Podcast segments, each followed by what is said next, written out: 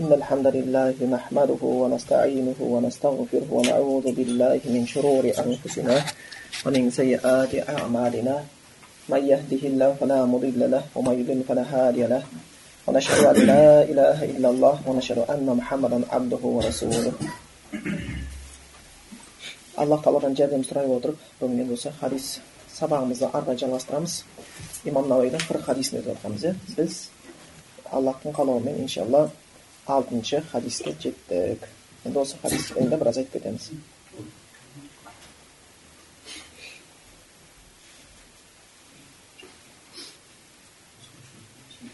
бұл хадисті риуат етіп отырған кісі енді ан аби абдул абдилла ан ибн башир разуанху анхума ибн баширден риуат етеді абдуллахтың әкесі нұғман ибн башир риуат етеді дейді бұл несінде ол кісіге мына шиар яғни белгі ретінде радиаллаху анхума деп келген хума деген екілік тәсни араб тілінде ол екеуіне алла разы болсын деп келіп отыр екеуі деп жатқан нұғманның өзі мен әкесі нұғманға алла разы болсын және әкесіне разы болсын разы болсын деген сөзді бұны сахабаларға қолдану ретінде кездескен иә сахабаларға радиаллаху анху деген қолданады бұл нені білдіреді әкесі де өзі де сахабалардан болған нұғман ибн башир бұл кісі мединада туылған әкесі сол жаққа келген сол жақта туған бұл кісі бұл кісінің жасы хижри жыл санауымен қатар келеді бұл кісі өзі де неде келеді бұл кісі хижри жыл санауы бойынша алпыс төртінші жылы қайтыс болған алпыс төрт жасында дейді яғни тура сол кезде келіп неге келген қарасақ онда бұл жап жас сахаба да жап жас сахаба сонда пайғамбарымыз өмір өткен кезде бұның жасы қаншада онда болып тұр бар болған ал бұл кісінің жеткізген хадисін қараңыздар қандай бұл хадис сахих хадис өзі бұхариде келген муслимде келген біз алғашқы сабақ, сабақтарымызда айтқанбыз естеріңізде бар болатын болса үлкен салаф ғалымдары соның ішінде имам ахмадтың айтуы бойынша дін үш хадистің үстіне құрылған деп айтқан иә сөйтіп көптеген хадистерді олар терең түсінгендігіне үш хадис келтіреді біріншісі омардан жеткен амалдар ниетпен жасалады деген хадис бұл амалдың ішкі дүниесін зерттейтін хадис екінші хадис айша анамыздан жеткен бұрынғы алдында өттік иә бесінші хадис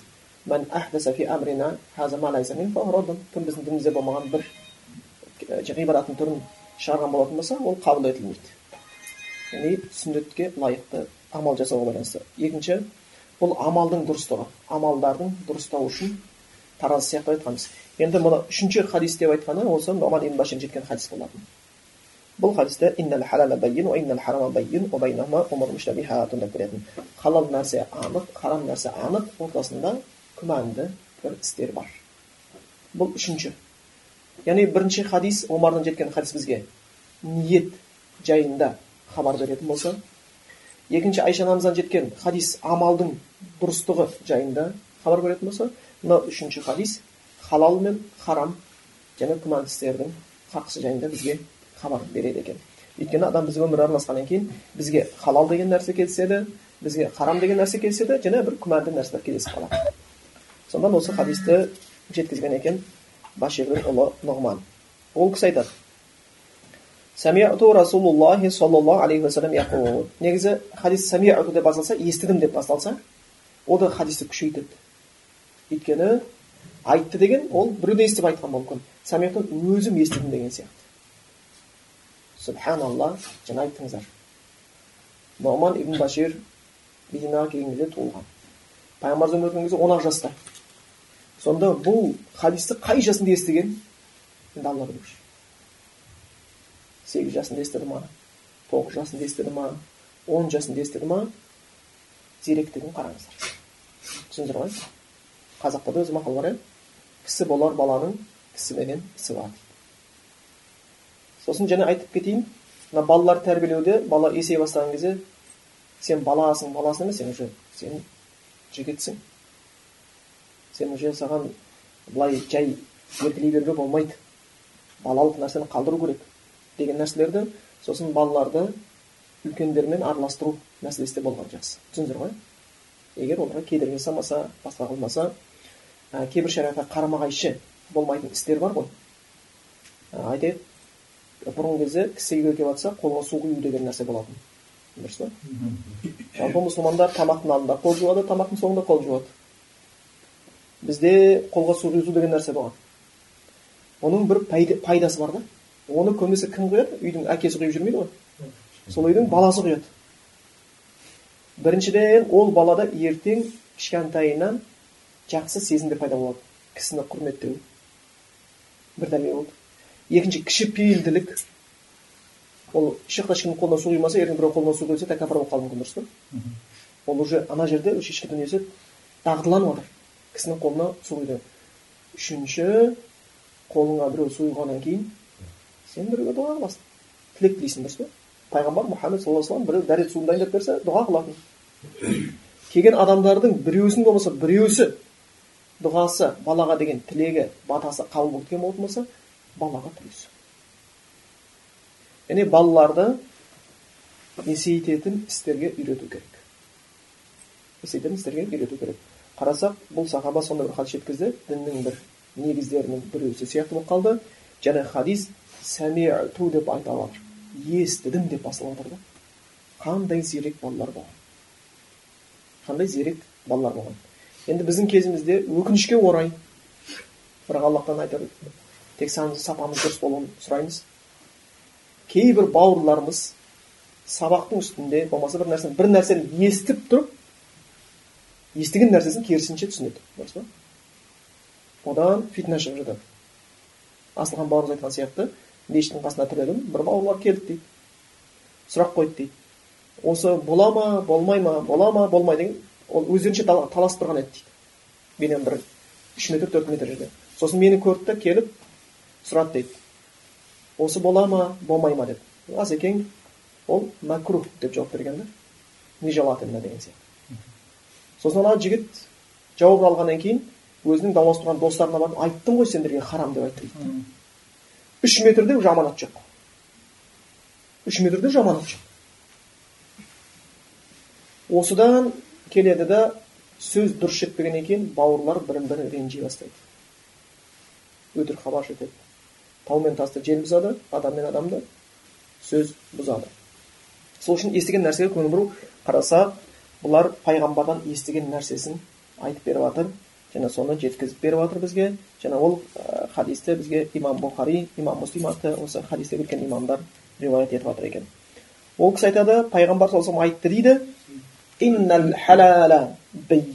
халал нәрсе бізге анық яғни халал деп рұқсат етілген дүниелер және харам нәрсе тыйым етілген нәрселер бізге анық.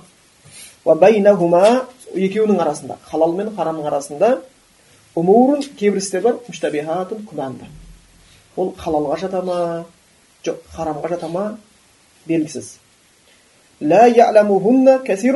адамдардың көбісі оны білмейді қараңыздар мұқият адамдардың бәрі деп жатқан жоқ адамдардың көбісі оны білмейді бірақ оның халал харам екенін білетін адамдар бар ілім егелері деген түсіндіңіздер ғой бұдан шығатын қорытынды ілім егесіне жасалатын құрмет құранда білетіндер мен білмейтіндер тең ба деген мағынада болу керек сонда адамдардың бәрі шеттерінен ғалым болып кете алмайды бірақ көпшілігі ғалым болып кете алмайды ішінде жекелеген бір адамдарда ілім болады адамдар соларға барып тіреледі сөйтіп олардың құрметін сезеді олардың құрметін сезе бастайды бұл жерде жаңа көріп жатқанымыз сол ілімге деген құрмет ә, және де айтып жатыр олардың арасында бір күмәнді істер бар яғни шариғатта айтылмай қалды деген нәрсе емес шариғат бойынша сол іске берілетін фатуасын білмейтін адамдар деген сөз ол шариғатта айтылмай қалды деген нәрсе жоқ деп иә құранда пайғамбарға аллах айтқан біз саған құранды түсірдік бүкіл нәрсені баяндап құранда бәрі нәрсе айтылып қойған хадисте бәрі нәрсе айтылып қойған абу зар әл ғифариден жеткен хадис бойынша не деп келеді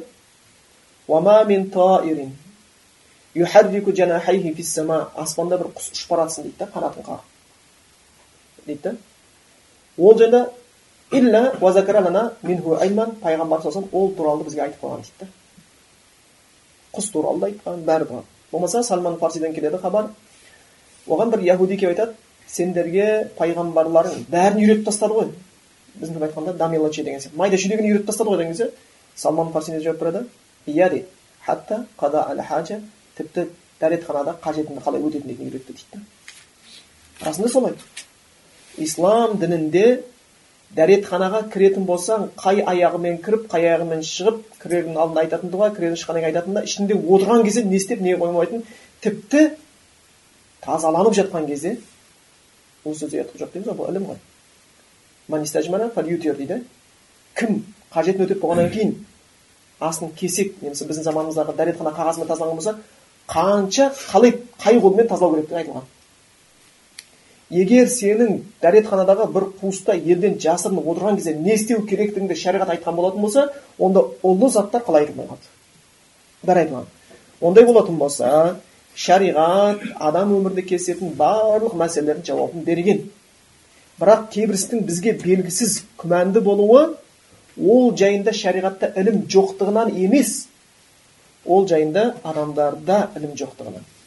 Шариғаттағы ілім жоқтығы емес шариғатта дәлел жоқтығынан емес адамдарда дәлел жоқтығынан түсіндіңіздер ғой иә яғни егер бір істің халал ма харам ба болады ма болмайды ма соны білмей жатсақ ол құран мен сүннетте оған жауап жоқ деген сөз емес ол соны білмей жатқан адамда ол жайында білім жоқ деген сөз түсінікті иә былай айтқанда бұл шариғаттың кәмілдігі өйткені алла құран айтқан бүгін сендерге діндеріңді кәміл еттім нығметімді толықтырдым сендерге ислам дініне риза болдым деген діндерің кәміл нығметтерің толық деп айтылып қойған бұл аят түскен кезде абу бәкір сыдыққа бір яхуди келіп айтады сендерге бір аят түсті дейді шіркін сол аят бізге түскен кезде сол күнді мейрам қылып белгілер едік дейді абу бәкір таңқалады қандай аят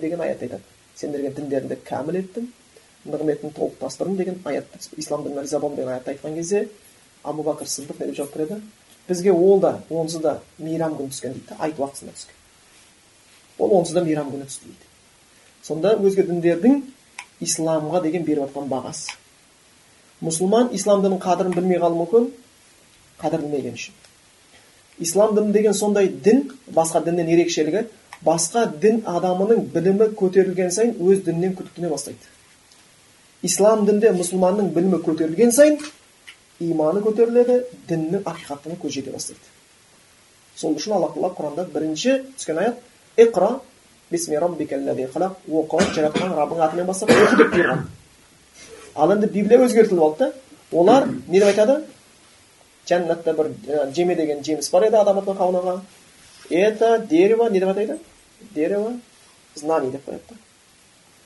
оған осы талғат жолыма деп айтқан дейді да сол үшін шіркеу иелеріменен олардың ә, дүние ғалымдарының арасында коперник басқалардың арасында көптеген тартыстар болған карл маркс фридрих энгельстердің дінді жоққа шығарып оларға қарсы шығу себептері олардағы кемшіліктерді көргендігінен басталған кейін ол шектен шығып атеизмге өтіп кетті.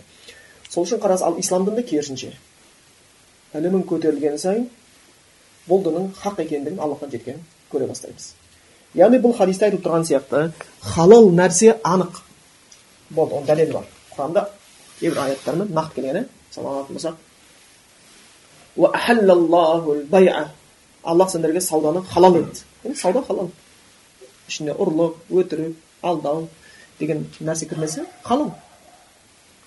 Харам нәрсе сендерге анық дейді риба рибаны харам етті процент ол харам болды былай былай қуыстанып жол түзеудің қажеттілігі жоқ болмаса неге болмаса алейкум уммахатукум сендерге аналарың деген сияқты болмаса қыздарың некелесуге харам болды харам етіліп қойған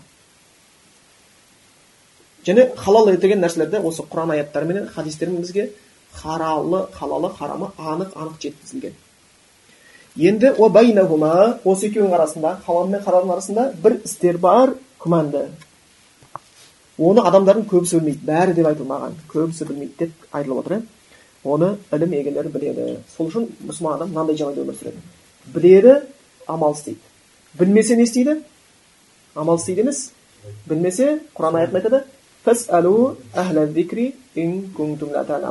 білмесеңдер білмегесінен сұрап білмесеңдер білім егелерінен сұрап алыңдар деп келеді екен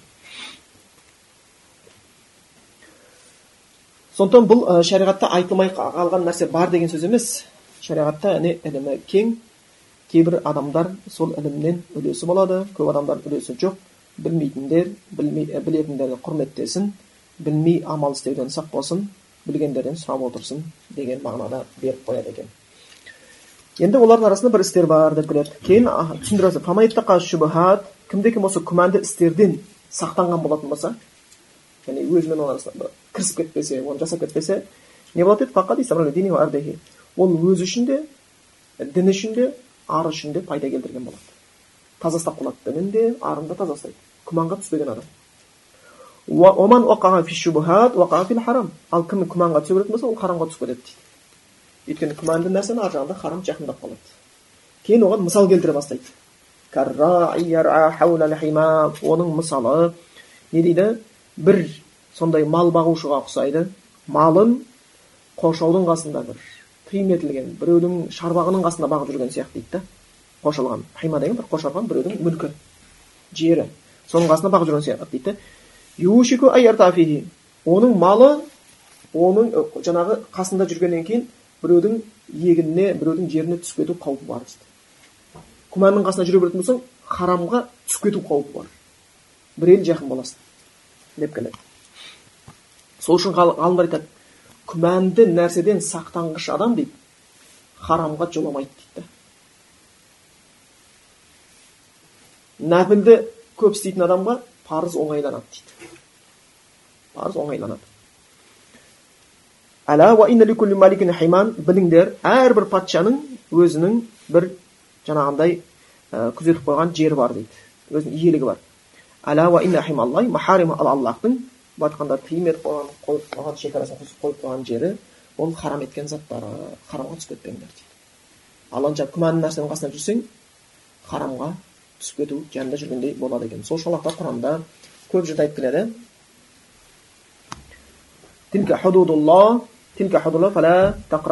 бұл аллахтың шекарасы оған жақындамаңдар деп келетін аят болмаса бір жерде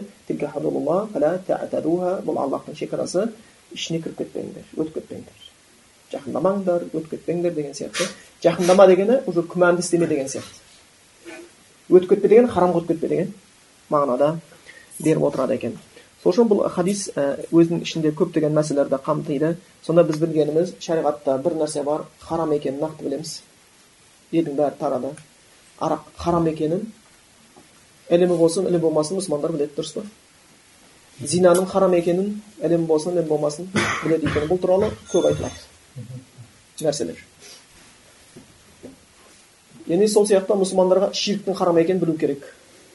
Бірақ өкінішке орай қазіргі кезде ширктің харам екенін мұсылман деп жүріп білмейтіндер бар иә балшыға барып болмаса әруаққа сыйынып жүрген нәрсе бұл харамның ең үлкені ең жаманы бұны қайта арақтан жақсы білуіміз керек еді да бұның харам екенін ширк күнәсінің харам екенін ширк күнәсінің харам екенін зинадан жақсы білуіміз керек еді адам өлтіргеннен ұрлық жасағаннан өтірік айтқаннан да өте бетер харам екенін біз білуіміз керек еді бірақ неге білмей қалдық яғни бір адамдар дағуатта қателік жіберді дағуаттың ең үлкені таухидке шақыру еді таухидты тастап қойып қалған нәрсемен жұмыс істей бастаған. Ал егер бірінші орында шақыру таухид тұрмаса қай бір жерде? Онда сенің басқа діннен айырмашылығың онша көп болмайды түсіндіңіздер ғой? Әке шешені сыйла деп айтып жатырмыз соны иә бұл бар исламда. Бірақ бірінші мәселе емес. Әке шешеден сыйла дегенді христиандар айтады дұрыс па? Үлкенді сыйла. Иә бұл исламда бар соны құрметтеуге шақырған. Исламның бір көркем тұстары. Бірақ бірінші мәселе аллахты сыйлауға шақыру. Таухид аллахтың хақысын білу ширктен алыстату. Әйтпесе ол нәрсені сыйла дегенді басқа дін өкілдері де айтады үлкен сыйла деп. Буддисттер де айтады кришнаиттер айтады ширк істеп жүрген. Тура сол сияқты әке шешеңе жақсылық қыл. Иә бұл діндегі таухид деген маңызды нәрсе айтылатын нәрсе. Бірақ одан да маңызды нәрсе бар таухид мәселесі. Ол көбірек айтылу керек еді. Ширктен көбірек қорқуымыз керек еді.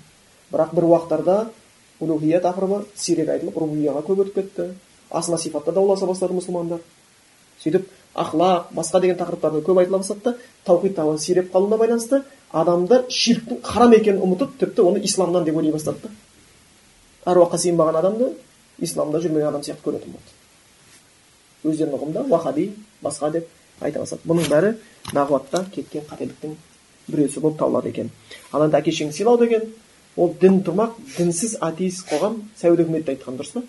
Әке шешені сыйлауға байланысты. Енді сондықтан бір істер бар харам екені нақты. Бұл ширктің харам екенін мұсылмандар арақтан бетер білу арақтың харамдығынан артық білуге тиісті. Ширктің харам екендігін мұсылмандар былай айтқанда оның зинадан артық харам екенін білуге тиісті. Ұрлықтан артық харам екенін білуге тиісті. Адам өлтіргеннен артық харам екенін білуге тиісті. Біреу адам өлтірсе ол күнә жасады деп айтып. Біреу ұрлық жасаса ол күнә жасады деп айтып. Біреу зина ол күнә жасады деп айтып. Арақ ішсе күнә жасады деп айтып. Ширк істесе мүмкін кім біледі болатын шығар деп тұрған ол білімсіздік. Ол білімсіздік болып табылады. Бұл өте маңызды шаруалардың бірі. Өйткені ол ә, шайтанның ширк күнәсі шайтанның серткісі келетін күнәсі. Ширк істеген адам бүкіл амалы жойылып кетеді. Былай айтқан кезде біреу тоқсан жыл таухидпен өмір сүріп өлер алдында бір күн ширк істесе тоқсан жылдық құлшылығы күйеді. түсіндіңдер ғой? Өте ауыр нәрсе. Сондай ауыр күнә. Енді сондай бір істер бар. Харам екені анық. Халал екені анық істер бар. Мұсылмандар біледі. Нан халал. Ешкім оны харам деп айтпайды. Некеленіп алсаң әйелің өзіңе халал. Харам деп ешкім айтпайды. Міне сол сияқты бір халал дүниелер бар. Яғни мұсылман баласы су ішу халал деген сияқты. Оны ешкім харам деп айтпайды. Осы бір сияқты тіршілігі оның халал екені бізге анық. Енді арасында бір істер бар. Олар күмәнді істер дейді. Енді сол күмәнді істерге байланысты күмәнді болып қалуы әртүрлі жағдайға байланысты.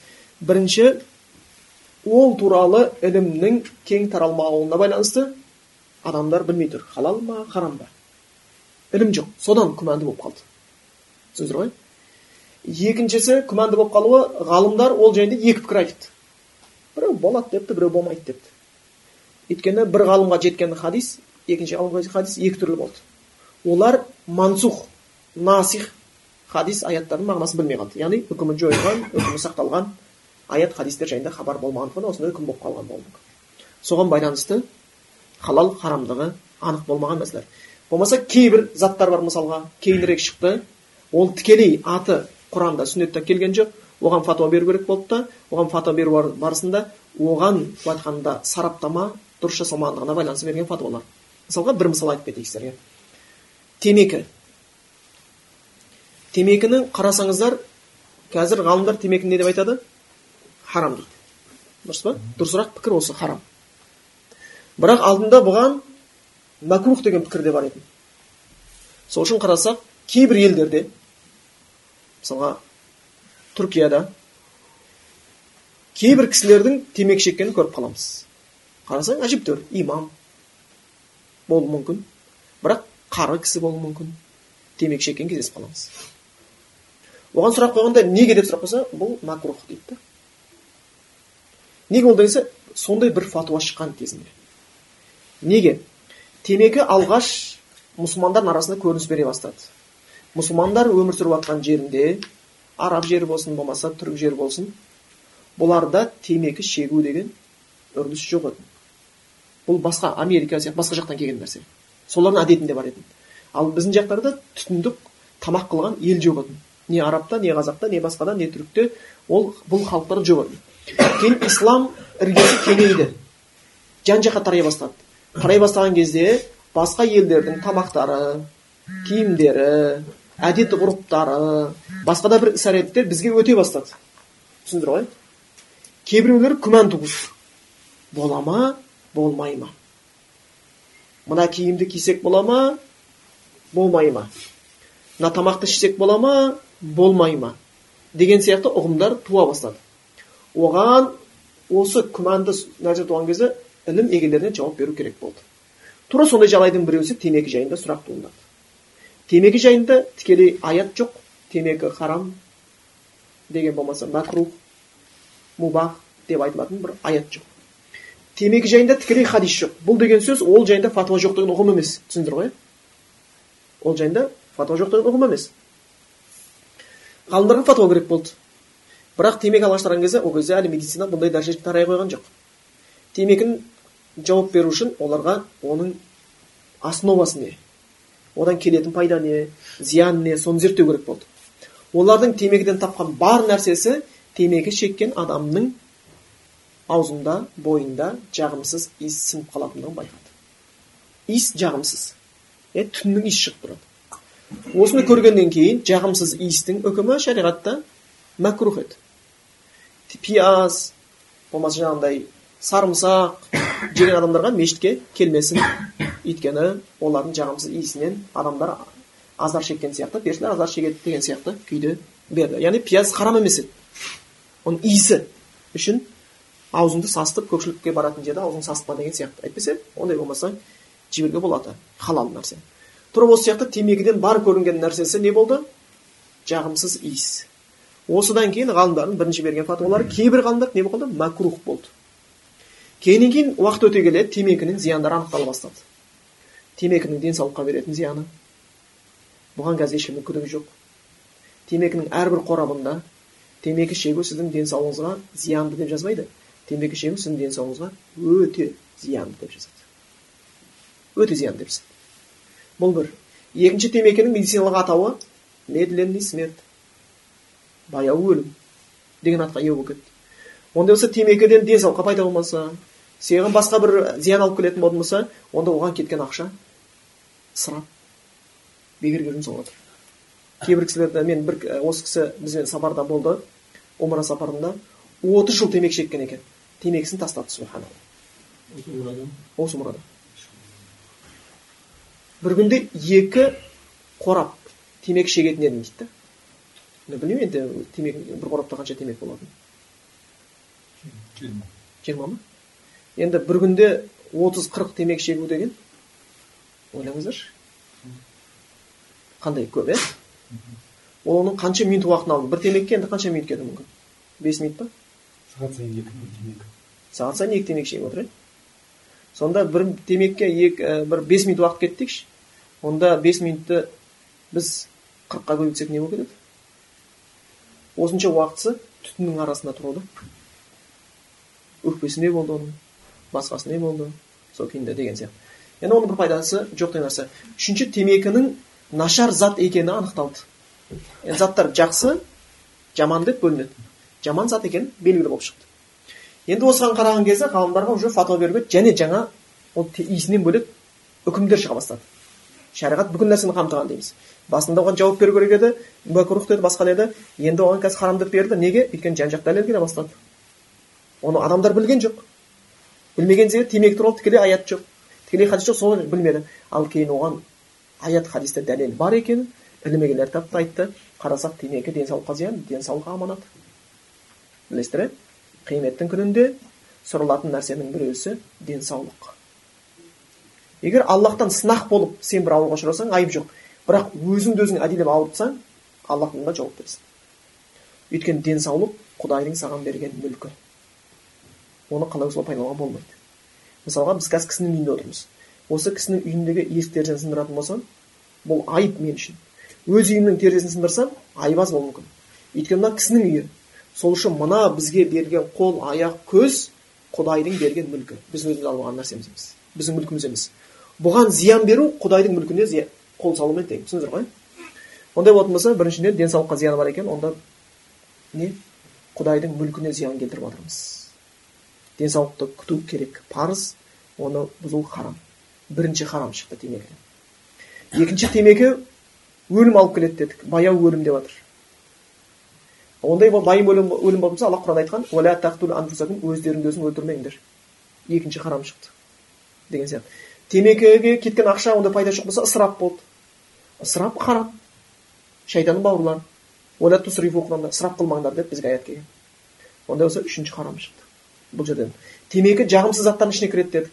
Ал пайғамбарымыздың сипаты ол сендерге жақсы нәрселерді халал етіп халал етіп жаман нәрселерді харам етеді деген. Жақсы нәрсені халал етіп жаман нәрсені харам етеді деген. Онда төртінші харам шықты. Иісінен бөлек. Ондай болса жан жақта келген кезде бұл темекі не болып шықты? Харам болып шықты. Яғни осы темекі сияқты тағы да басқа өмірлі істер шығуы мүмкін. Бір тікелей аты келмеген. Оған бір фатуа беру керек болып қалады. Насыбай сияқты басқа да фатуа беру керек болып қалады. Сонда осылай егелері дәлелдерге сүйене отырып оған үкім етеді сөйтіп адамдарға ұсынады. Бұл мынандай екен мынандай мынандай дәлелге байланысты болмайды екен харам екен деп олар фатуасын бере бастайды сөйтіп адамдарға болады.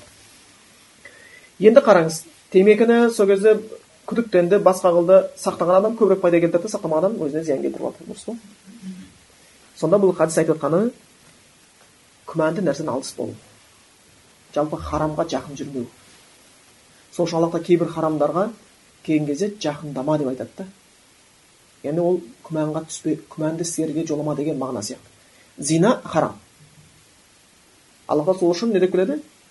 Зинаға байланысты уәлә зина зинаға жақындамаңдар жасама емес жақындама дейді алып баратын жолға барма дейді да. Зина харам. Ал енді көзіңді бір біреуге қарау ә, болмаса бір арам ойларға түсу жеке қалған кезде жаман суретті қарау деген нәрселердің бәріне жолама деп отыр өйткені қарасақ егер біреуді шахват көтеріліп әр нәрсені бір енді қазіргі кезде бір қауіпті болып тұрған нәрсенің бірі интернет қой енді. Интернетте бір жаман нәрсеге қарайтын болса көшеде ана бір қызды көріп жылмыңдап амандаса беріп қалжыңдай бергісі келіп тұратын болса ана бір ә, моншаға барып қалатын болса жай массаж ғой деп өзін алдап әйел кісіге массаж істеткісі келіп тұратын болатын болса зина істеп жатқан жоқпыз оның ар жағында жақындау деген нәрсе тұр да. Бір аттаса зина болайын деп тұр. Бір аттаса зина болайын деп тұр? Сөйтіп ең соңында зина қалай түсіп кеткенін өзі білмейді. Өйткені бәрібір бұл шахуат не деп келеді ғалымдар? Әл абсор бабул акбар деп келеді ғой көздер дейді. Бұл үлкен есік зинаға алып баратын дейді да. Көзің тимағаннан кейін сөзің тимағаннан кейін басқан тимағаннан кейін ол бір көреді бір көреді да сосын барып неге? Харамға түсе бастайды. Харамға түсе бастайды. Мысалы айтатын болсақ қазір заманда біреу себеп қылуы мүмкін өзіне да мен екінші әйел алғым келеді болмаса үшінші әйел алғым келеді шахватты басу үшін қазір өйткені заманы оның шахваты көтерілуі мүмкін екі себептен соны анықтау керек бірінші себеп ол еркек ретінде шахваты басын соны игере алмай жүр сәл нәрсе көрсе шахват көтеріліп кетіп жатыр екінші ол өзінің шахватын өзі көтеріп жүр харам нәрселерге қарап соны біліп алу керек егер оның өзінің еркек ретінде шахваты басым болатын болса жарайды онда шариғат бойынша халал етіледі үйленуге. Ал егер ол өзінің шахватын өзі көтеріп жүрген болатын болса харам нәрсе қарап бөтен қыздармен сөйлесіп уағыздаймын деген сияқты сылтауратып бөтен қыздарға уағыздаймын деп еркекті уағыздасын уағыз айтсын болып барса. Қанша бізге сұрақтар келеді? Еркектер интернет арқылы бір қызды уағыздаймын деп зина жасап қойған. Әйелдер өте көп арыз айтады. Тіпті бір мұсылман кісі жақында болған келген әйелі талақ сұрасам болады деген сияқты. Ол интернетте қарап ең соңында жалаңаш әйелдердің суретін жинау мен қарауды өзіне хобби қылған да. Кәдімгі үйіне жинау бастапты. Әйел басына бір ескерткен басына жоқ жай енді мен байқамай қалдым деп жүрген. Кейін ол оған хоббиге айналған да. Неше түрлі әлемдегі қарасы ағы сарысының суреттерін жинай бастады әйелі былай ескертеді ең соңында айтты сен риза болып тұрсаң тұр мен тұрмасаң мен осыны тастай алмаймын деп айтты. Тастай алмаймын деп айтты. Енді сонша суреттерді қарау бөтен әйелдердің бөтен қылықтарға қарағанда ар жағында не тұр? Ол зина өзінің қалағанын алмайынша қайтпайды. Ол өте қиын нәрсе. Сол үшін осындай бір шүбә салатын нәрселерде барынша сақ болуға тиісті. Адам баласы. Ол міндетті түрде зиянын тигізеді. Не үшін сен көтеріп не себептен? Сол үшін көзді сақтану басқаны сақтану деген өте бір керекті істер болып қалады екен. Сол үшін кімде кім күмән нәрседен сақ болатын болса ол өзінің діні үшін діні мықты болады және ары үшін жақсылық алып келеді. Мұсылманның ары мұсылман қолынан келгенше арын өзге сөзге түсіп кетуден біреудің жаман ойына түсуінен сақтау керек. Мысалға алатын болсақ сен өзің туралы жаман ойға түсуден барынша сахабаларда кездер иә пайғамбарымыз ол нәрсе бар. Пайғамбар мұхаммед саллаллаху алейhi мешітте отырады оның әйелдерінің бірі сафия пайғамбарға келеді. Пайғамбар сондай кеш болып қалғаннан кейін пайғамбар өзінің әйелі сафияны шығарып салмақшы болады кешкі уақыт әйел кісіні енді әйел кісілер жабылып жүреді ол әйелін шығарып салуға жатқан кезде бір сахабалар тұрғанын көреді пайғамбар әйелін қояды да сахабалар келіп айтады бұл менің әйелім сафия дейді сахабалар субханалла аллахтың елшісі біз сіз туралы жаман ойға түспейміз ғой дейді пайғамбар айтады сендер жаман ойға түспейсіңдер бірақ шайтан адамның қанымен ағады дейді да ол сендерге жаман ой салады дейді бізде сондай бір әлсіздік бар шайтан деген салатын нәрсе бар яғни мұсылман өзі туралы жаман ойға түсірмеуге тырысу керек. Түсіндіңіздер ма жаман ойға түсірмеу неге сол үшін шейх усейменге бір кісі сұрақ қояды. бір кісі сағат тағады сағаты алтын емес. бірақ алтында түсі алтын сияқты. сары бір бояумен сары темірмен істелінген сағат. сыртына қарағанда алтынға ұқсайды. бірақ ол алтын емес. сол сағатты тағу харам ба? халал ма дейді. Основасында халал. Алтын ғана харам етіледі.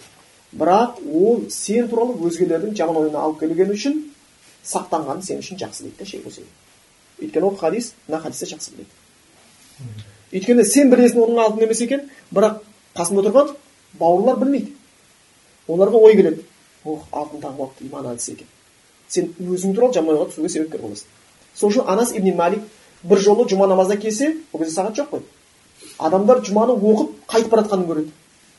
Анас ибн малик дейді не істейді дейді бір талдың артына барып жасырынып тұрған адам көрді сосын айтады дейді адамдардан ұялмаған аллахтан да ұялмайды дейді өйткені өзі туралы жаман ойға түсіріп алады абдулла ибн омар айтады біздің кезімізде біреу жамағат намазына келмей бастаса аса біз ол туралы жаман ойға түсіп кетуші едік дейді өйткені біздің әлсіздігіміз яғни адам өзі туралы жаман ойға түсірмеуге тырысу керек ал енді сен шүбһа нәрселерді көп істей беретін болсаң онда сен өзің туралы басқалардың жаман ойға түсуіне өзің себепкер болып қаласың яғни бірінші дініне пайда береді дегені харамға түсіп кетпейді.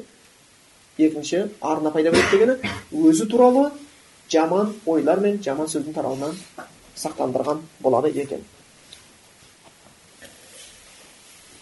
Кімде кім шүбһа жүрсе ол харамға түсіп кетуі мүмкін дейді. Сол үшін жаңағы қазіргі кезде біз айтып жатқан сияқты интернетте қарап отырып бір уағыздап жатырмын деп сылтауратып басқа қылып өйтіп бүйтіп ең түбі зинаға барып тіреліп жатқан сияқты басқа нәрселер бар. Сондықтан барынша адам баласы сақтау сақтану керек болады. Пайғамбар соған мысалын келтірді. Мысал деген осы қарап отырып кей кезде кейбір мәселені түсіндіру үшін мысалдар айту деген нәрсе бар шариғатта. Мысалы құранда келген мысалдар болуы мүмкін. Сүннетте келген мысалдар болуы мүмкін. Болмаса өмірден алынған мысалдар болуы мүмкін. Дұрыс па? Құранда мысалдар көп келеді. Мысалы кітап арқылаған ешек сияқты деген сияқты. Ешекті мысалға келтіреді. Ешек енді ол ғалым болмайды ғой бірақ үстіне кітап салып қойсаң жүре береді бірақ өзі түсінбейді. Кітап сондықтан өзі ілімді алып амал істемейтін адамды ешек сияқты мысал келтіріп болмаса деген сияқты. Аллах жолында садақа берушілердің мысалы ол не? Жаңағы бір дәнек сияқты дейді да жерге ексең жеті сүмбіл шығарады сүмбіл арабтың сөзінен шыққан қазақта сүмбіл деп анау несін орыста колос деп қояды ғой бидай несі бір дәнек жетеу болып шығады дейді да әрбір сүмбілде жүз дәнек бар дейді яғни жеті жүзге дейін еселенеді сен бір садақаңмен жеті жүз сауап алып кетуі мүмкін ниетіңнің күштілігіне байланысты яғни аллах тағала садақа берушінің мысалын неге ұқсатып жатыр бидайдың садақаны ұқсатып жатыр құранда келген мысалдар сол сияқты сүннетте келген мысалдар одан кейін ғалымдар айтқан мысалдар одан кейін өмірде келген кейбір мысалдар бар. Ғалымдар оны бір ә, кейбір мәселені түсіндіруде ғалымдар деп айтады. Дейді. Мысал арқылы сөз анығырақ болады. Ол қағида бар. Сол үшін ибн таймия ибн қайым ал жаузия ибн қайым ал көп мысалдар келтіреді. Кейбір өздерінің кітаптарында мысалдар келтіріп отыруы. И оны егер құран мен сүннетке сәйкес болатын болса дұрыс қолданылса мұсылмандарға да оны қолдануға болады. Дұрыс па? Мысалы алатын болсақ кең тарап кеткен. Бір екі дос енді мысыр жерінде деп айтады ғой. Екі дос болған біреусі дінге келген біреусі бизнеспен айналысқан біреу мысырға оқи бастаған кейін кейін дінді үйренген әйелі орамал таққан шариғат бойынша жүрген ана досы бизнестен тағы жетістікке жеткен байыған көлігі басқа бірақ әйелі сәуремен жалаңаш киінген жалаңаш күйде жүрген. Денесіне тырыстырып келіп бөксесі кеудесінің жартысы деген сияқты. Жамбасы бұлтылдап ә, кеудесі сылқылдап жүреді. Ол өзінің досын көріп қалады да оның әйелін қараса әйелі жабылып алыпты орамал кең киім деген сияқты. Сөйтіп айтады да не болған? Мына әйеліңді бейшара қылып қойыпсың ғой қарамайсың ба менің әйелім қандай? Еркін ұстамайсың өйтіп әйелді қамай беруге болмайды ғой сен мұсылман дейсің әйелдің хақысын жеп жатрсың ғой бар ғой біреу айтатын сияқты надандықпен орамал әйелдің правасын кеміту деп қояды. Сөйтіп сол кезде ол анау бәрі ол иманы дұрыс болған екен құран хадис түсінейін деп жатқан жоқ. Оған мысал айтады не деп айтады? Сен білесің ба қалада көліктер бар дейді да? Жеңіл көліктер бар біреудің жеке меншік автобус бар общественный көлік деген бар дейді мен әйелім өзім ғана пайдаланып жатырмын ол менің жеке меншігім көлігім сияқты дейді ал сенің әйелің общественный транспорт дейді кім қалаған? Мініп түсе береді дейді. Кім қалаған? Қызығын көре береді дейді келеге кез келген адам сенің әйелің кеудесінің размері мен жамбасының размерін айтып бере алады. Семіз арақ екенін айтып бере алады. Түрін айтып бере алады. Кожасын айтып алады ол үйіне барып өз әйелімен болып жатқан кезде сен әйеліңді елестетіп да ғажап емес оның несіне мәз боласың дегендей сол үшін осындай бір мысалдар келтіру арқылы жаңағы шариғатта ол да бір жаңағы тәсілдің бір түрі болып табылады екен сол үшін пайғамбар мысал келтірді харам халал күмәнді айтқаннан кейін күмәнға мысал келтірді ол бір біреудің қоршалған жері сияқты ә, кім оның қасында малын жақын бақса оған түсіп кету қаупі көбірек өйткені мал баққан адамдар жақсы біледі сәл егінге жақын байласа қалай түсіп кеткенін байқамай қаласың.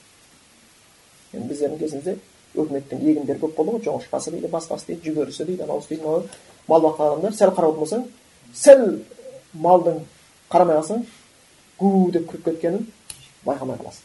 Қарасаң сен оны орға жоңышқаға өкіметтің егістігіне жаямын деп ойлаған жоқсың. Жақын жайдың кетіп қалды. Тура сол сияқты сен нәпсіңді бір харамға жақын жерге ұстайтын болсаң қалай кетіп қалғанын өзің білмейсің. Әсер етеді ол нәрсе. Сол сияқты жақын жақын түсіп кету әрбір нәрсенің әрбір патшаның өзінің бір сондай қоршап қойған жері бар. Тиме аллахтың тиме еткен нәрселер харам нәрселер оған өтіп кетпеңдер деп қояды екен. Осыны айтқаннан кейін алла пайғамбар мұхаммад және бір ә, нақты хадистің соңын аяқтай келіп ә, тұжырымдайды. Пайғамбарымызда әла мудғадан біліңдер адамның денесінде әла деген өзі жаңағы тәнбих иә бір қарату қаратпа сөз сияқты әла ал тыңдаңдар жақсылап енді мұқият болыңдар деген сияқты мудғадан адам денесінде бір кесек ет бар дейді егер сол кесек ет дұрысталса дененің бәрі дұрыс болады фасадат ол кесек ет бұзылса дененің бәрі бұрыс болады әла біліңдер ол жүрек дейді жүрек ол ет біз білеміз таза ет оның ішінде сүйек те жоқ оның ішінде басқа жоқ. Таза ет алла қаласа сондықтан бұл көп нәрсе жүрекке де байланысты болып келеді екен. Пайғамбарымыз хадисін осымен тиянақтайды. Бұл ә, жүрек дененің патшасы сияқты. Жасап дейді ғой ғалымдар дененің патшасы дейді. Ал дене патшалықтың астындағы тұрған бағынушы заттар. Жүрек бір патша болатын болса дене бір мемлекет сияқты сол патшаласы ғой. Енді бұл жүрек дұрысталса дене дұрысталады сенің қарайтын нәрсең харамға қарау қарамау жүрегіңдегі нәрсеңе байланысты. Жүрегіңде құдайдан қорқу қорықпауыңа байланысты. Тіліңнің зікірді аз жасауы көп жасауы жүрегіңдегі тақуалыққа байланысты. Денеңнің құлшылықта көп болу көп болмауы жүрегіңнің тақуалыққа байланысты. Бәрі осыған келіп тіреледі жүректе тақуалық басым болған сайын денеге құлшылық жеңіл болады. Жүректе тақуалық төмендеген сайын құлшылық қиын болады. Яғни харамнан тиылудың және бір жолын бізге үйретіп жатыр. Ол жүрекке көңіл бұру.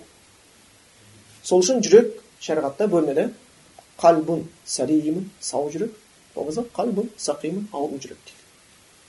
Ауру жүрек деп қияметтің күніне барған кезде біз аяттарға қарайтын болсақ аят хадистерге қарасақ жүрек жайында хақысында өте көп айтылады көп, көп айтылады аяттарда келеді қияметтің күні ертең мал да бала шаға да көмектеспейді көмектеседі кімге не көмектеседі кім сау жүрекпен келген болатын болса кәміл иман құдайдан қорқу деген нәрсемен келген болатын болса сол оған көмектеседі дейді деген сияқты болмаса аллах тағала ақыретті ұмытқан алланы ұмытқан хақсын бергісі келмейтін адамдарды не деп кінәлайды олардың көздері соқыр емес дейді маңдайда бірақ кеуделеріндегі жүректері соқыр дейді жүрек соқыр бола бастаса харам харамды ажырата алмайды ол харамға түсіп кетуі күмәнді істерге түсіп кетуі оған оңай болып қалады сол үшін пайғамбар мұхаммед мұстафа саллаллаху алейхи вассаламның дұғаларының көбісіне қарасаңыздар тіпті құранда келген аяттарға қарасаңыздар жүрекке мән беруге бізді итермелейді. Пайғамбар мұхаммед мұстафа хадисте айтқан иә адамдардың жүрегі ал мейірімді аллах тағаланың екі саусағының арасында қалаған жағына бұрушы пайғамбар мұхаммед саллаллаху намазда сәждеде түнгі тәхаджүдтерінде жасаған дұғаларының біреусі я ей жүректерді ауытқытушы аллах тағала менің жүрегімді дінге бекітіп қойшы өйткені мынау дұрыс болса қалған бәрі дұрыс болайын деп тұр сөз көз аяқ қол бәрі дұрыс болайын деп тұр мына жерден проблема басталса мына жақтың бәрі проблема басталады түсіндіңіздер ғой сол үшін тікелей сұрап жатыр да аллах тағала менің жүрегімді дініңе бекем етші деген сияқты тирмизиде бір хадис келеді пайғамбарымыз айтты деген сияқты аллахума инни асалука қалбан салима аллах мен сенен сау жүректі сұраймын енді бұл шейх албани әлсіз хадистердің қатарына кіргізген бірақ бұның мағынасы сахих өйткені алла тағала құранда кім сау жүрекпен келген болатын болса сол құтылады деген сол үшін аллах тағаладан құтылу үшін сәлим жүректі аллахтан сұрау керек е аллах тағала маған бір сәлим сау жүрек нәсіп етші деген сияқты пайғамбар мұхаммед мұстафа саллаллаху кезінде бір оқиға болады бір жас жігіт сахабалармен бәрімен отырған кезде жас жігіт келіп пайғамбар саллаллаху айтады е аллахтың елшісі мен дінді қабылдадым мұсылманмын қолымнан келгенше аллахтың бар бұйрығын істеуге дайынмын бірақ мен бір ісім бар тастай алмаймын ол зина дейді да әйелдер хақысында мен әлсізбін аллахтың елшісі маған рұқсат бере салшы дейді осы нәрсеге осы сөз айтқан кезде сахабалардың бәрі астағфиралла оған сен не айтып жатсың деген мағынадағы сөздерді қайтара бастайды. Бірақ пайғамбарымыз саллаллаху хикмет егесі еді дана кісі еді. Дағуатта даналық керек. Пайғамбар сол жігіттің өз шын сөзін айтқанын білді. Оған айтты жақында деді жігіт жақындады тағы да жақындады жақындады жігіт пайғамбарға тізесі тигенше жақындады отырғаннан кейін пайғамбар оған мысал айта бастады. Түсіндіру үшін иә шариғатта харам екені белгілі. Ол жігіт те біліп отыр шариғат рұқсат емес екенін сол үшін рұқсат сұрап келіп отыр. Рұқсат беріңізші деген. Күйде пайғамбар аллахтың елшісі болғаннан кейін. Сонда пайғамбар соны айтты. Оған мысал айта бастады. Кей кезде осы мысалдар түсінуге көмектеседі.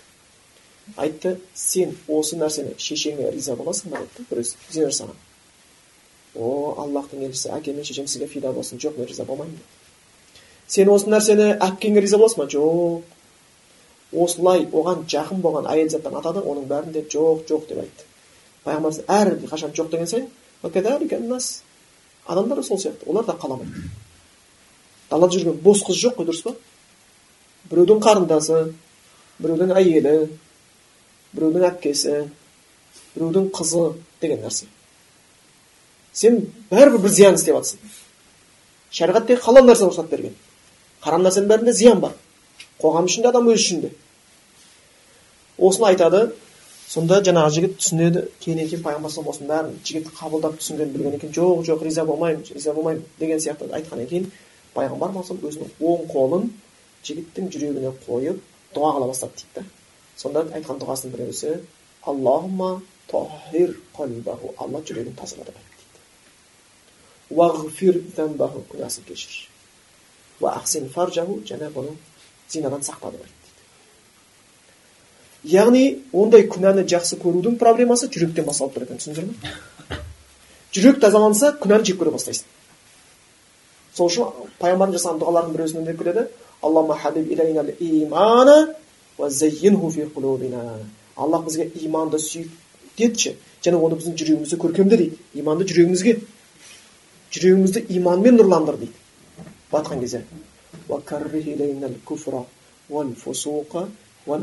Бізге жек көрініш ет күпірлікті пасықтықты күнә атаулыны тура жолдан нәсіп етті сенің жүрегіңде иман жүрегің иманмен нұрлана бастаса күнәларды жек көре бастайсың мұсылман адам күнә істеп қоюы мүмкін бірақ мұсылман адам күнәні жақсы көруі мүмкін емес түсіндіңіздер ғой күнәні жақсы көруі мүмкін емес сонда бұл жүрекке көп көңіл бұру керек болады екен тіпті аллах тағала бізге құранның өзінде үйретеді қалай дұға керек екендігін аллах не деп айтады?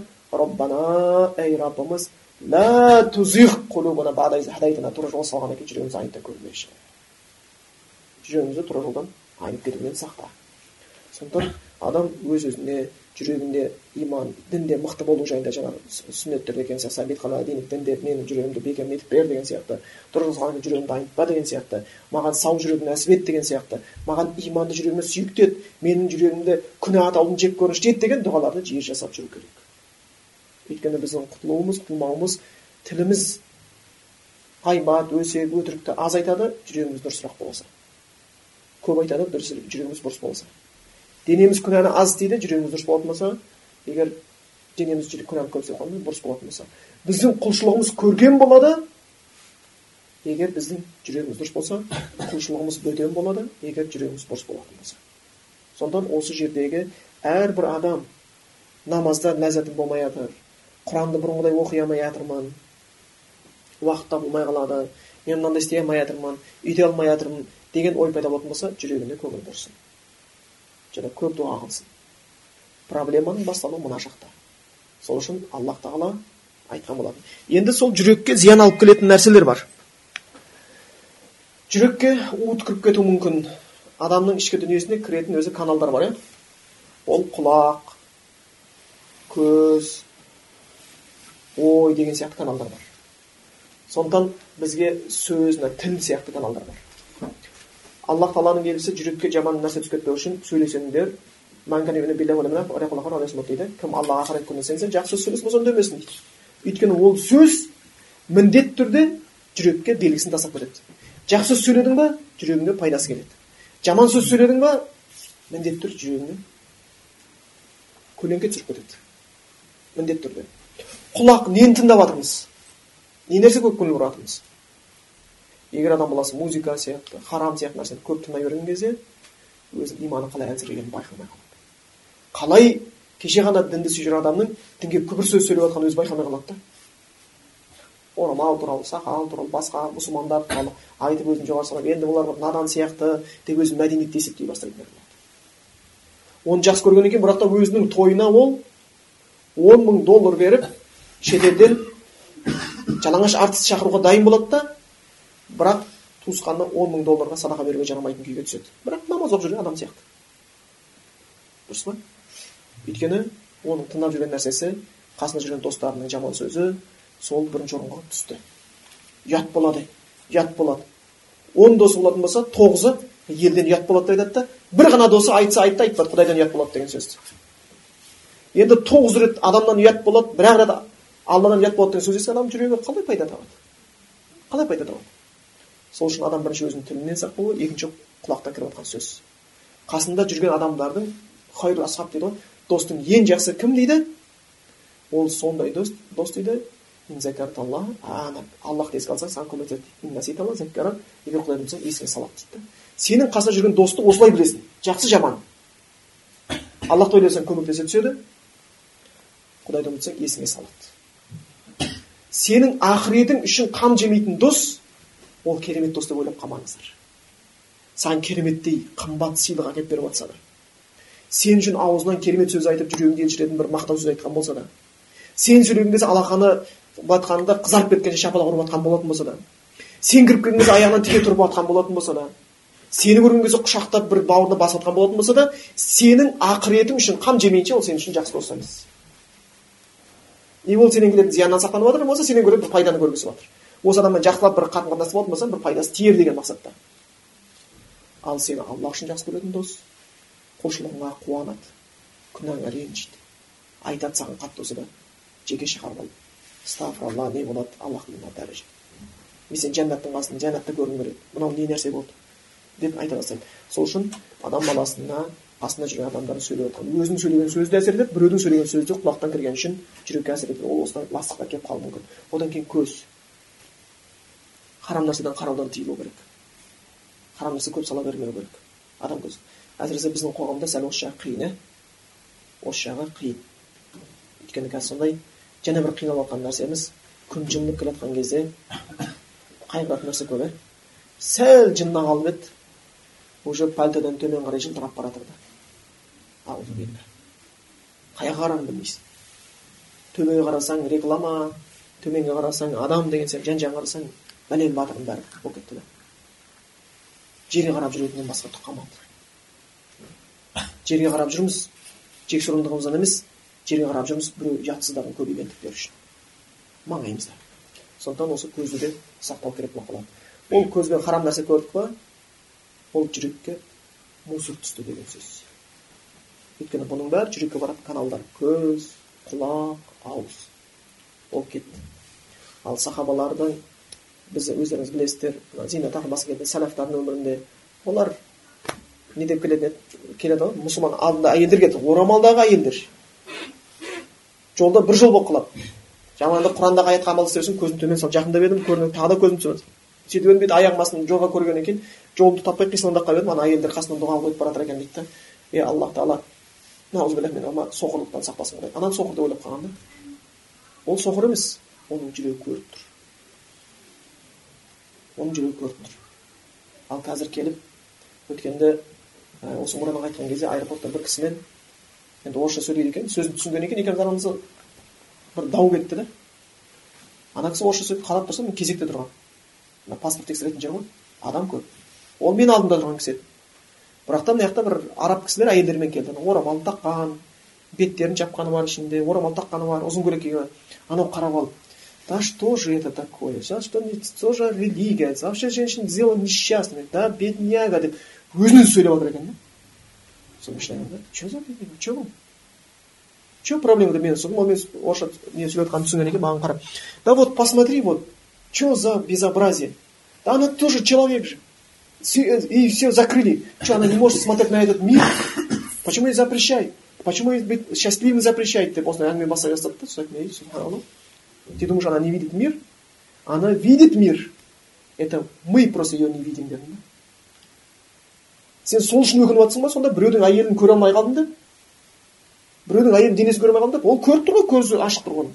Бәрін көріп тұр. Соғыспай не бәрін сен көрген нәрсенің бәрін көріп тұр.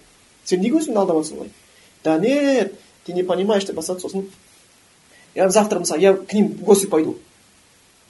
Тогда муж будет встречать там чай наливать что будет сделать те дела которые должны делать женщины деп жатыр да? Не проблема. Да всю жизнь дома на улице будет так ходить? Нет, дома она не так ходит. Ее красота для своего мужа. Она перед родственниками басларынан отыра алады. Вот от чужих, которые могут, могут думать про нее плохие вещи, сақтанады сосын барып но все таки это как то неправильно. Женщина должна быть свободна ты понимаешь деп жатырмын да сенің әйелің жалаңаш жүрсе біреу оған көз салса сөз салса егер сол нәтижесінде бес ақ минуттың ішінде сен өмір бойы бақытсыз болуға жеткілікті дейді. Да әйелің ол бес минутта бітетін шаруа. Үйтіп қалып жеке қалып кетіп оның жартылай жалаңаш денесін көргеннен кейін еркек еркек. Дұрыс па сен әйелді жалаңаш әйелге көріп қалған кезде сен сиырды көріп тұрғандай болмайсың ғой дұрыс па мүйізі бар. Сен бір нәрсе әсер дұрыс па? Әйел ол көріпті сол үшін оған жабылу бұйырған. Ол әсер келеді ой келеді. Сол үшін көзін төмен салсын деген аяттар бар. Еркекке де әйелге де еркекке де әйелге де көзін төмен салсын деген. Егер сол бір жаман нәрсе түсіп кетіп сенің әйелің сен өміріңді бес минутқа бір төсегін араластырып қойса өмір бойы бақытсыз болуыңа жеткілікті. Өмір бойы сен өмірден ләззат көре алмайсың. Тамақ жеп отырып сол есіңе түсіп кетсе қайғырасың. Бала шағаның басын сипап отырып есіңе түсіп кетсе қайғырасың. Сен ол әйелді кешіре аласың кешіре алмайтын шығарсың бірге сүріп бірге сүрмейтін шығарсың бітті өмір бойы сенде семьяның ләззаты жоғалды. Ал бұл осыған алып баратын жолдар. Алып баратын жолдар. Сол үшін екінші мұсылманға көзін сақтау керек. Көзіңді сақтап жатқаның шындап жатқанда өзіңді сақтап жатқан дүние да. Жүрекке алып баратын ол канал. Енді жүректі бұл зиян беретін нәрсе. Енді жүрекке пайда беретін нәрселер. Жүрекке пайда беретін нәрсе біз айттық жүрек денеге әсер еткен сияқты дененің істеп жатқан нәрсесі жүрекке де әсер етеді. Күнәдан алыс болу. Аллах тағаланы жақсы көру. Сенің әрбір істеп жатқан ісің не аллахтан алыстатып жатыр не аллахқа жақындатып жатқанын естен шығармау. Бір істі істедің де құдайыңа жақындадың. Бір істі істедің де құдайыңнан алыстап кеттің. Сол үшін мән беру керек.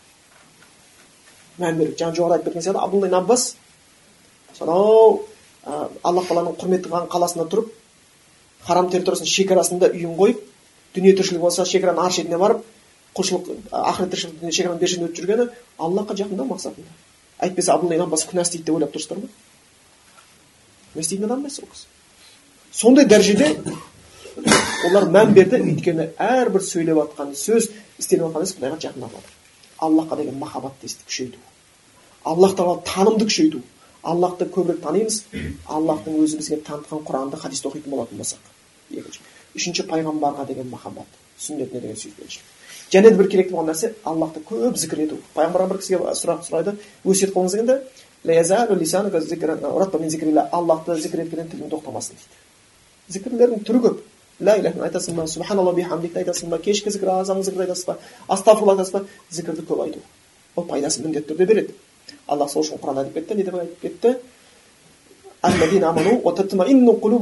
сонда иман келтіргендердің жүректері тыныштық табады аллахты зікір етуменен әлә қаратпа сөзі біліңдер аллах зікір жүректер тыныштық табады жүрекпен әңгіме біткен еді хадисте денеде бір кесек бар деп бұл аятта сол жүрек аллахты зікір етумен ғана тыныштық табады сонда осы құлшылық басқа деген сияқты кешірім ету кешірім сұрау деген сияқты садақа беру басқа да құлшылықтар істеп тұру керек жүректі тазалау үшін. Жүректі тазалау үшін. Өйткені біз сол арқылы әрекет істеп жатырмыз сөзіміздің ең соңында айта кетейік дегеніміз бір сәләфтің бір кісі айтқан сияқты келеді ғой. Жүрегімді қырық жыл қарауылдадым аллахтан өзге нәрсе кіріп кетпесе екен деп дейді бұл ең үлкен нәрсе осы. Осы жердегі құлшылықты дұрыстасақ онда қалған құлшылық өзінен өзі көркем бола бастайды. Өйткені жүрек дененің патшалығы. Көзіміздің патшасы жүрек тіліміздің патшасы жүрек құлағымыздың патшасы жүрек қолымыздың патшасы жүрек аяғымыздың патшасы жүрек осының бәрі не істеп не істеп істейді халалға бара ма харамға бармай ма патшадан бұйрығын күтіп тұрады патша немқұрайды болса ол харамға кетіп қалуы мүмкін патша тақуалық болса олар харамға бармауы мүмкін сол үшін аллахтан көп дұға қылуымыз керек жүрегіміздің дұрыс болуына.